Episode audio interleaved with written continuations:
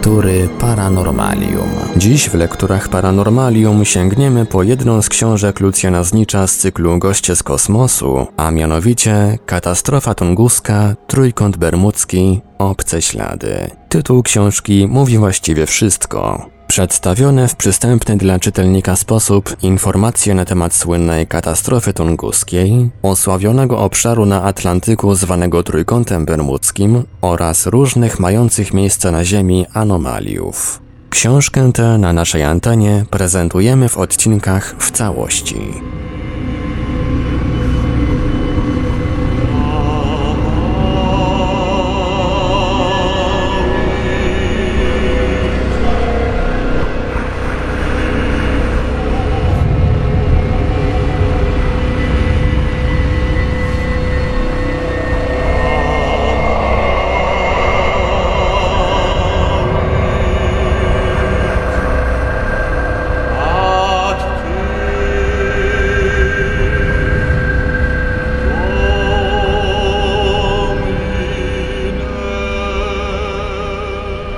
Tajemnica z kamieliny Adincowskiej. Takie same pytania można zresztą postawić wobec jeszcze jednego, całkowicie niezrozumiałego w świetle obecnej nauki odkrycia. Chodzi tu o znalezioną latem 1925 roku przez anatoma radzieckiego Grigorowicza w pobliżu stacji kolejowej Adieńcowo pod Moskwą bryłę krzemienia przypominającą mózg ludzki. Sprawa na pierwszy rzut oka wydawała się prosta. Zawodowy anatom na dobrą sprawę w każdym kamieniu może odkryć pewne podobieństwa z częściami żywego organizmu. Skamielina adieńcowska jednak nie miała pewnych podobieństw, tylko była wręcz mistrzowskim naśladownictwem autentycznego mózgu ludzkiego. Z wyraźnie zarysowanymi dwiema półkulami, z muszczkiem, ba, ze wszystkimi tak charakterystycznymi dla mózgowia brustami. W ciągu roku Grigorowicz wykonał wiele gipsowych odlewów dziwnej skamieliny i rozesłał je do wszystkich europejskich instytutów interesujących się tą problematyką. Dopiero rozpoczęła się burza. Większość naukowców doszła jednak do wniosku, że skamielina poza podobieństwem zewnętrznym nie ma nic wspólnego z mózgiem. Ba, po przeprowadzeniu dokładnych badań kopii w Instytucie Badań nad Mózgiem w Berlinie oraz Uniwersytecie Berlińskim zakwestionowano nawet to podobieństwo. Znaleziono bowiem szereg wyraźnych odstępstw kształtu skamieliny od oryginalnego mózgu ludzkiego. Ale Grigorowicz nie dał za wygraną. Spróbował odtworzyć dwa gipsowe odlewy autentycznego mózgu ludzkiego. I wówczas okazało się, że każda powstała w ten sposób kopia mózgu ulega różniącym się od oryginału zniekształceniom. I to właśnie takim samym, na jaki zwrócili uwagę anatomowie z Instytutu Badań nad Mózgiem w Berlinie. Wówczas wysunięto przeciwko skamielinie adieńcowskiej nowy zarzut. O ile można sobie wyobrazić, że setki, tysiące, a jak dziś wiemy, już nawet miliony lat przetrwać mogą w Ziemi względnie nienaruszone kości, o tyle tkanki miękkie ulegają tak szybkiemu rozkładowi, iż po kilkunastu zaledwie latach nie zostaje już po nich ślad. Jakże w tych warunkach mógł się przechować mózg, który jest chyba najbardziej miękką z miękkich tkanek człowieka? Ale i ten zarzut w świetle nowych osiągnięć nauki okazał się nieistotny. Długotrwała konserwacja nawet miękkich tkanek uzależniona jest właśnie od warunków. Sam widziałem w muzeum w Pompeji dantejskie iście sceny, które rozgrywały się w chwili wybuchu pobliskiego Wezuwiusza. Na podstawie zastygłych w wulkanicznym popiele, uciekających przed kataklizmem mieszkańców miasta, odtworzone zostały pełne dramatyzmu odlewy gipsowe nie resztek szkieletów, lecz pełnokrwistych ciał, z grą napiętych pod skórą mięśni,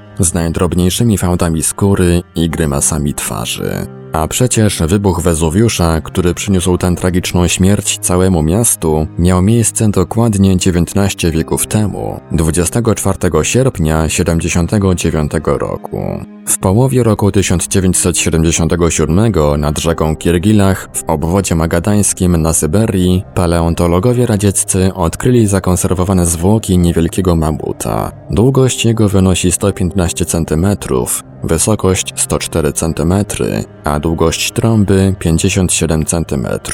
Według oceny odkrywców, śmierć dotknęła go w chwili, gdy liczył zaledwie pół roku życia. Należy podkreślić, że mamutek ten, w odróżnieniu od swych poprzedników, znajdowanych raz po raz w wiecznej zmarzlinie syberyjskiej, dotrwał do naszych dni nie zamrożony, lecz całkowicie zmumifikowany. A mimo to zachował się nie tylko jego kościec, ale całe zwierzę z mięśniami, żołądkiem, skórą i włosami. Odkrycie to przedłużyło okres zachowania tkanki miękkiej znów o cały rząd. Mamutek przetrwał już nie kilkanaście wieków, ale kilkanaście tysiącleci. A już rewelacją wręcz stały się dokonane w końcu 1978 roku odkrycia paleontologiczne w Weingraben w Austrii. Znaleziono tu grubą na 2,5 metra warstwę łupku, tak zwanego rytmitu, powstałą z rytmicznego, stąd nazwa, osadzania się popiołów wulkanicznych na dnie ówczesnego jeziora. Każdy kolejny wybuch wulkanu pokrywał wszystko, co w międzyczasie spadło na dno jeziora. Fragmenty ryb, pióra ptaków, liście i igły drzew,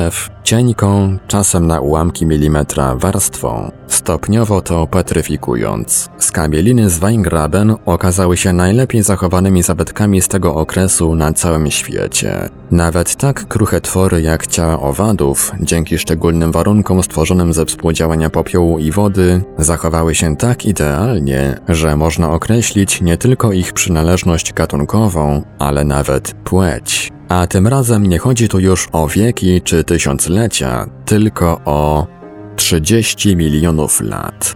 W tej sytuacji więc zarzuty wysuwane wobec Skamieliny Adincowskiej, iż mózg ludzki jest stanowczo zbyt nietrwały, by móc ulec petryfikacji, okazały się co najmniej przedwczesne. Dziś, pół wieku po odkryciu Grigorowicza, nikt już zastrzeżeń takich nie mógłby wysunąć. Zresztą Grigorowicz nie czekał na ten wyrok historii z założonymi rękami. Sam postanowił wyręczyć przyrodę i, z pełnym powodzeniem, spetryfikował autentyczny mózg ludzki w warunkach laboratoryjnych. Ale nie łudźmy się, że to zamknął wreszcie usta oponentom. Owszem, powiedzieli, spetryfikował, ale w warunkach laboratoryjnych. I co przez to udowodnił? Że mózg istotnie może skamienieć. Jednak co innego warunki laboratoryjne, a co innego warunki panujące w przyrodzie. Nie przeczymy, że i w przyrodzie w pewnych okresach mogły zaistnieć warunki zbliżone do stworzonych przez Grygorowicza w laboratorium. Jednakże okresy te są tak odległe, że nie ma mowy, by istniał już wówczas człowiek. Nie ma sensu chyba zdobywać szturmem tego ostatniego bastionu, za którym schronili się przeciwnicy autentyczności odkrycia Grigorowicza. Chociażby z tego względu, że to ostatnie zastrzeżenie nie tyle już dotyczy samej skamieliny adieńcowskiej, co znów zawisającej nagle w próżni chronologii antropologicznej. Bo jeśli istotnie jest to skamieniały w ciągu milionów lat mózg, to do kogo on należał? Czyżby do tych, którzy również miliony lat temu przemierzali według Berlica naszą ziemię w butach i sandałach? A jeśli nie są to ślady pozostawione przez człowieka, to przez kogo? Aeroplan z Ketcap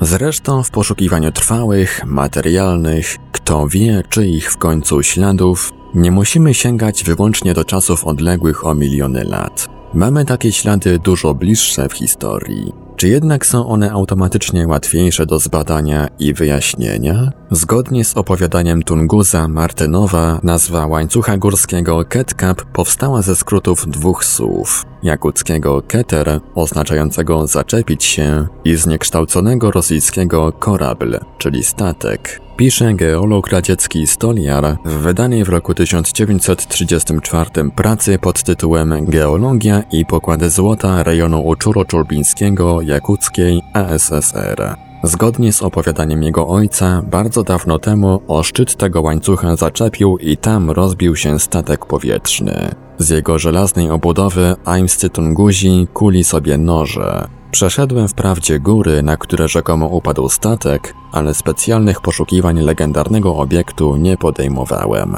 Koniec cytatu. Gdzież znajduje się ten ciekawy łańcuch górski, a przede wszystkim noszący tę samą nazwę jego najwyższy szczyt Ketcap? W poszukiwaniu jego musimy dotrzeć aż do wschodniej linii brzegowej Związku Radzieckiego, do wdzierającego się między Sachalin a Kamczatkę Morza Ochockiego. Jeżeli połączymy linią prostą leżący nad tym samym morzem port Ochock z położonym nad samą granicą chińską nad Amurem miastem Magdagachi, a następnie drugi port Morza Ochockiego, Czumikan, z leżącym na północny zachód od niego miastem Jakuck, to obie te linie przetną się właśnie w górach audańskich w pobliżu miejsca, gdzie znajduje się Ketcap.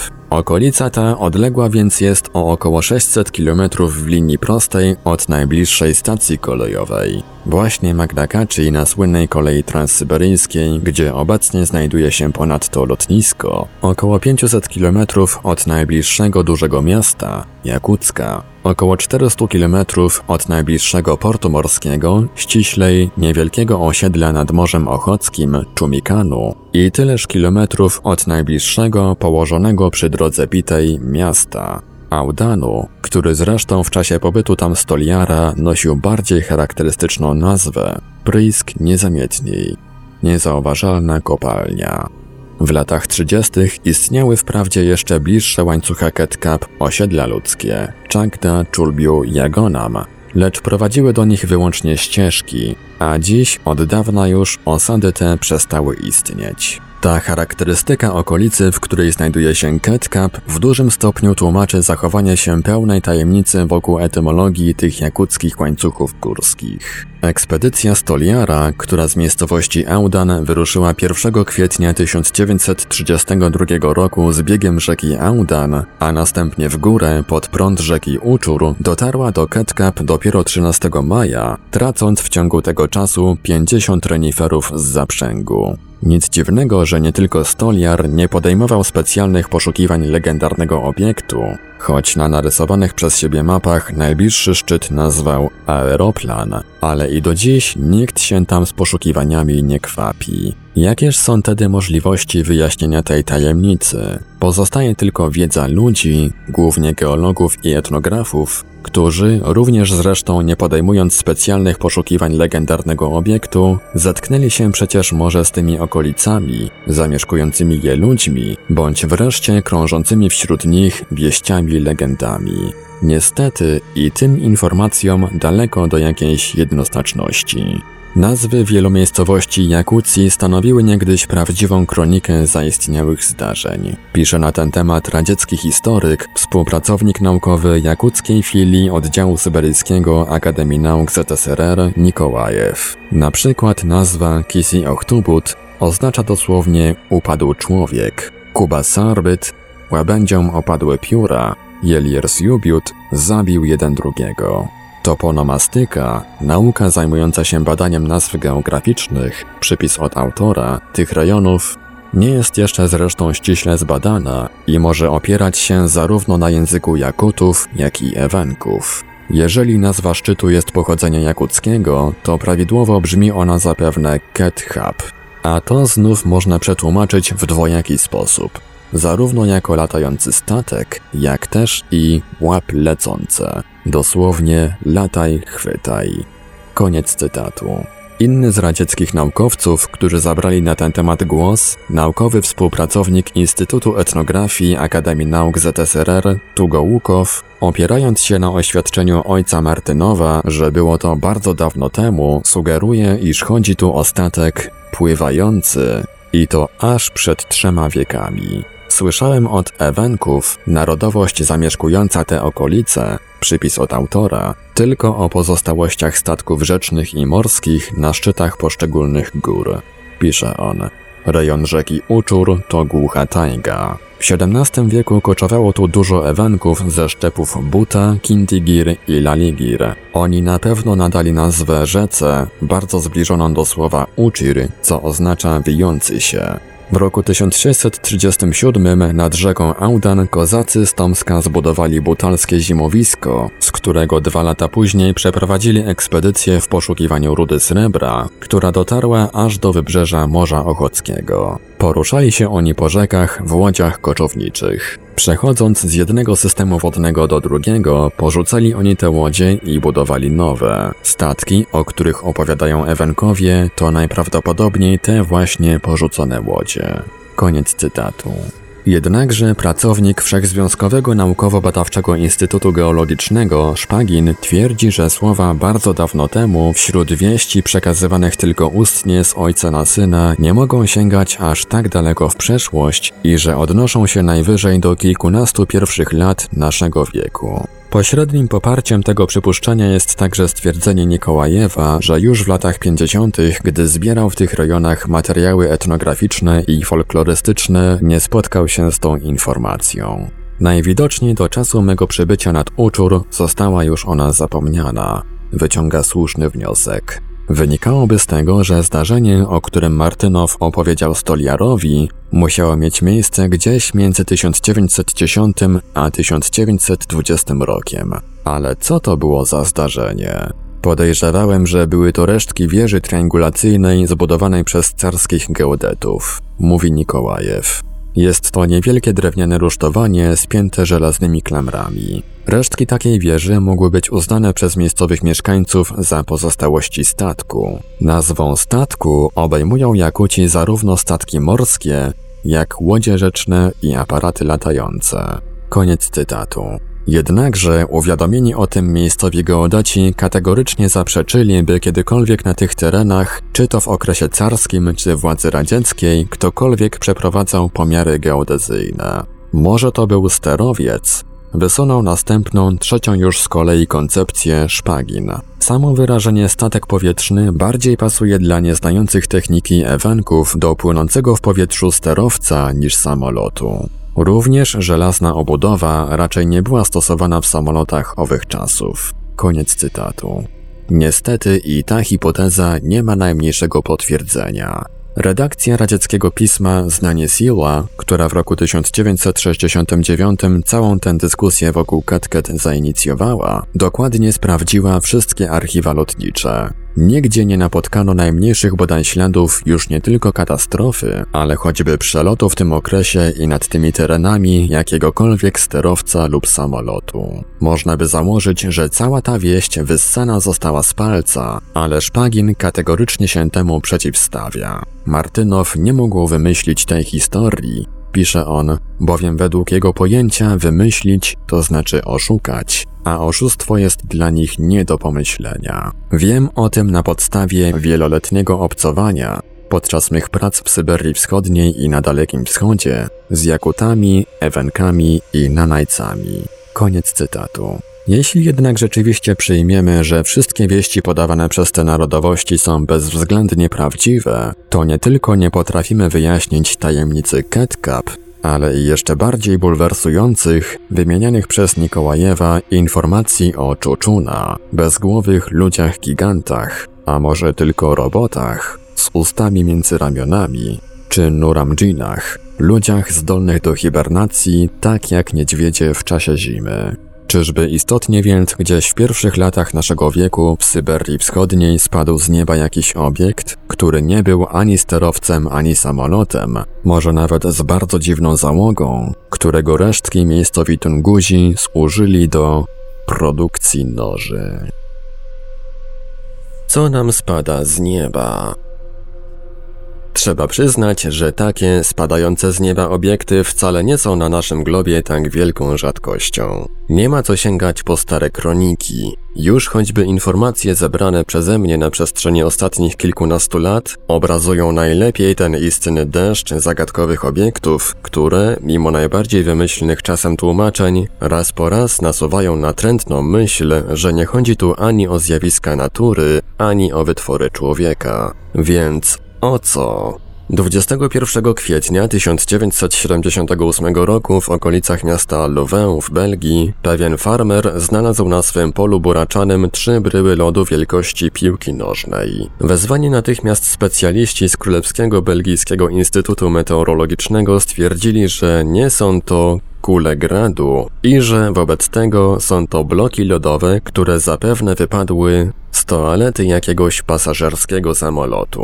Jednak zaledwie kilkadziesiąt dni wcześniej, 15 marca 1978 roku, w okolicach miasta Abbevin we Francji, 25-kilogramowa bryła lodu spadła tym razem z nieba, a nie z samolotu niemal na oczach świadków. Obecni na okolicznych polach rolnicy z początku słyszeli dziwny szum, a następnie detonację, po której zakołysała się ziemia. Gdy przybiegli na miejsce wypadku, znaleźli w wyrytym kraterze właśnie tę potężną bryłę lodu, która musiała mieć tak niską temperaturę, iż przez przeszło godzinę mimo silnego słońca i ciepłego dnia nawet się nie nadtopiła. Resztki lodowego meteorytu zebrali wprawdzie przybyli naukowcy, ale pomimo wielu miesięcy badań nie potrafili odpowiedzieć na pytanie, skąd on przybył na Ziemię. A wtedy, jakby dla zdopingowania specjalistów do zainteresowania się tego typu wypadkami, 25 listopada 1978 roku kolejna bryła lodu uderzyła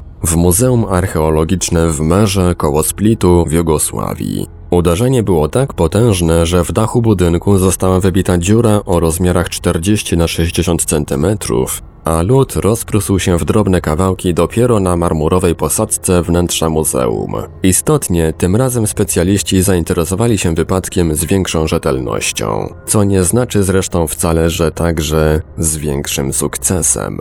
Meteorologowie stwierdzili jedynie, że niebo było bezchmurne, a więc wykluczyli w ten sposób meteorologiczne, naturalne pochodzenie lodu, zaś służba kontroli ruchu powietrznego w Splicie wykluczyła przelot nad tą okolicą jakichkolwiek samolotów a więc zanegowała także jego pochodzenie sztuczne. Ale już w odpowiedź na pytanie, jakie wobec tego jest pochodzenie lodu, nikt wolał się nie angażować. 11 lipca 1979 roku, po odpowiednio zresztą przygotowanej przez Amerykanów reklamie, cały niemal świat z zainteresowaniem, ale i niepokojem obserwował spadek na Ziemię amerykańskiego laboratorium kosmicznego Skylab. Po sześciu latach lotu orbitalnego, mimo podjętych wysiłków, poczynając od ściśle technicznych prób uruchomienia dodatkowych silników, aż po Wysiłek woli milionów entuzjastów parapsychologii w celu zmiany trajektorii drogą telekinezy, niemal 80-tonowe laboratorium weszło w końcu jednak w warstwę atmosfery i częściowo spłonęło, częściowo zaś rozsiało się nieużytecznym już złomem na pustkowiach Australii, najprawdopodobniej 800 km na wschód od miasta Perth. Jeszcze o godzinie 17.47, przelatując nad kontynentem amerykańskim, Skylab przekazywał normalne sygnały radiowe. Wkrótce jednak nad południowo-zachodnią Australią nieliczni świadkowie zauważyli zamiast niego już tylko około tysiąca mknących po niebie rozżarzonych do białości gwiazd. Tu więc jest sprawa zupełnie jasna. Nie była to jednak pierwsza na Ziemi obserwacja tego rodzaju zjawiska. Już 21 lat przedtem, w nocy z 13 na 14 kwietnia 1958 roku, mieszkańcy wyspy Barbados na Morzu Karaibskim, a także pływających w pobliżu wybrzeży Gujany Brytyjskiej statku RFN Kangeluze i argentyńskiego Rio Antel byli świadkami upadku na Ziemię podobnie niezwykłego deszczu meteorytów. Z początku przez niebo szybko przemknęła kometa z rozciągniętym na 100 km jaskrawo lśniącym ogonem. Stwierdzili przypadkowi obserwatorzy zjawiska. W toku lotu od jądra komety oddzielały się bez przerwy ogniste kule, za którymi natychmiast tworzyły się również lśniące ogony. W ten sposób niebo przez kilka chwil pokryte było kilkunastoma równolegle do siebie mknącymi kometami. Potem każda z nich rozpryskiwała się w powietrzu i spadała na ziemię w postaci ognistego deszczu. Koniec cytatu. Ekspedycja amerykańska, która pod kierunkiem doktora Jahi już tydzień później rozpoczęła szczegółowe badanie tego zjawiska, nie znalazła żadnych, najmniejszych bodaj szczątków niesamowitego meteorytu. Niemniej jednak doszła do wniosku, że musiały to być resztki drugiego radzieckiego sztucznego satelity Ziemi ze słynną łajką na pokładzie.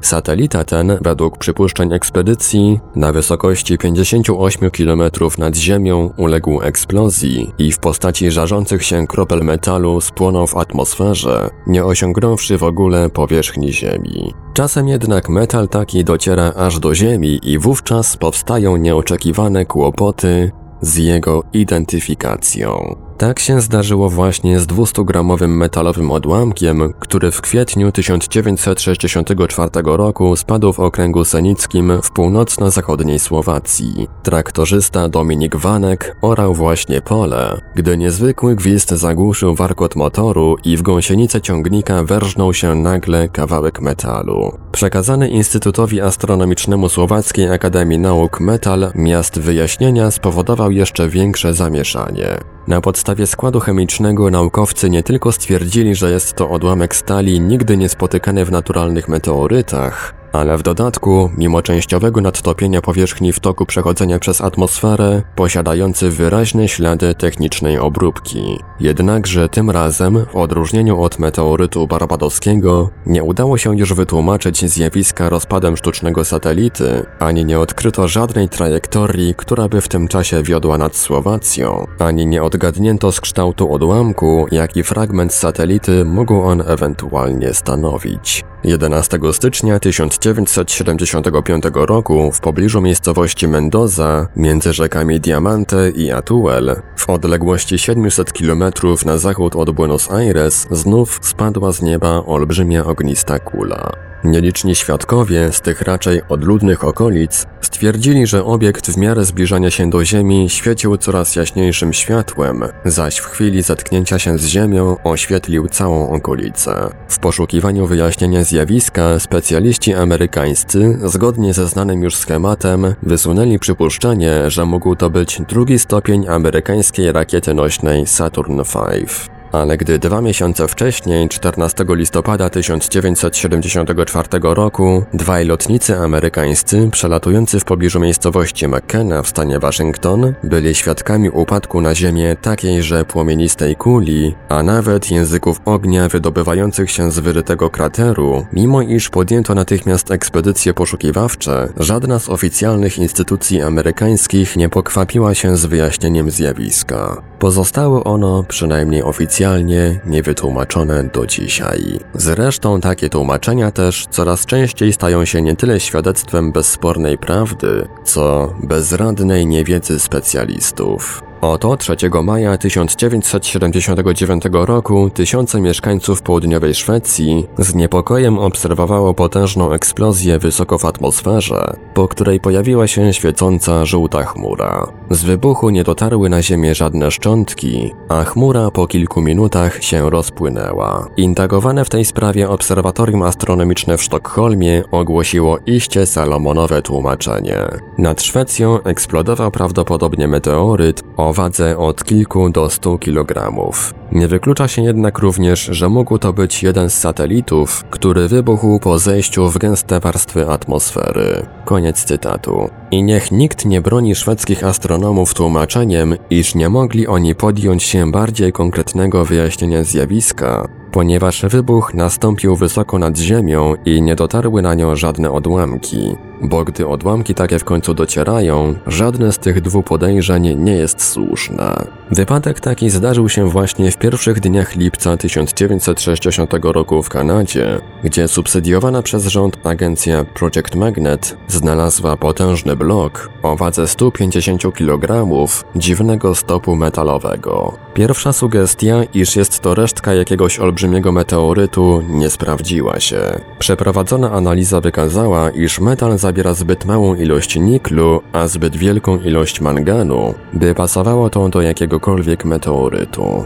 Również drugie założenie, iż jest to fragment sztucznego satelity, nie dało się utrzymać na dłuższą metę. Takich zwartych bloków w żadnych rakietach nie stosujemy. Może więc blok był ziemskiego pochodzenia ale i takie przypuszczenie trzeba było odrzucić. Przeprowadzone przez doktora P. Millmana szczegółowe badania powierzchni tajemniczego bloku wykazały jego istną ospę, będącą wynikiem długotrwałego bombardowania przez mikrometeoryty. Na każdym centymetrze kwadratowym odkryto do 30 takich śladów, co wskazywałoby na fakt, iż blok co najmniej rok znajdował się nieosłonięty niczym w kosmosie. Ale jeśli to nie jest ani meteoryt, ani wytworzona przez naszą technikę część rakiety, ani w ogóle wytopiony i znajdujący się cały czas na Ziemi blok metalu, to z czym w końcu mamy tu do czynienia?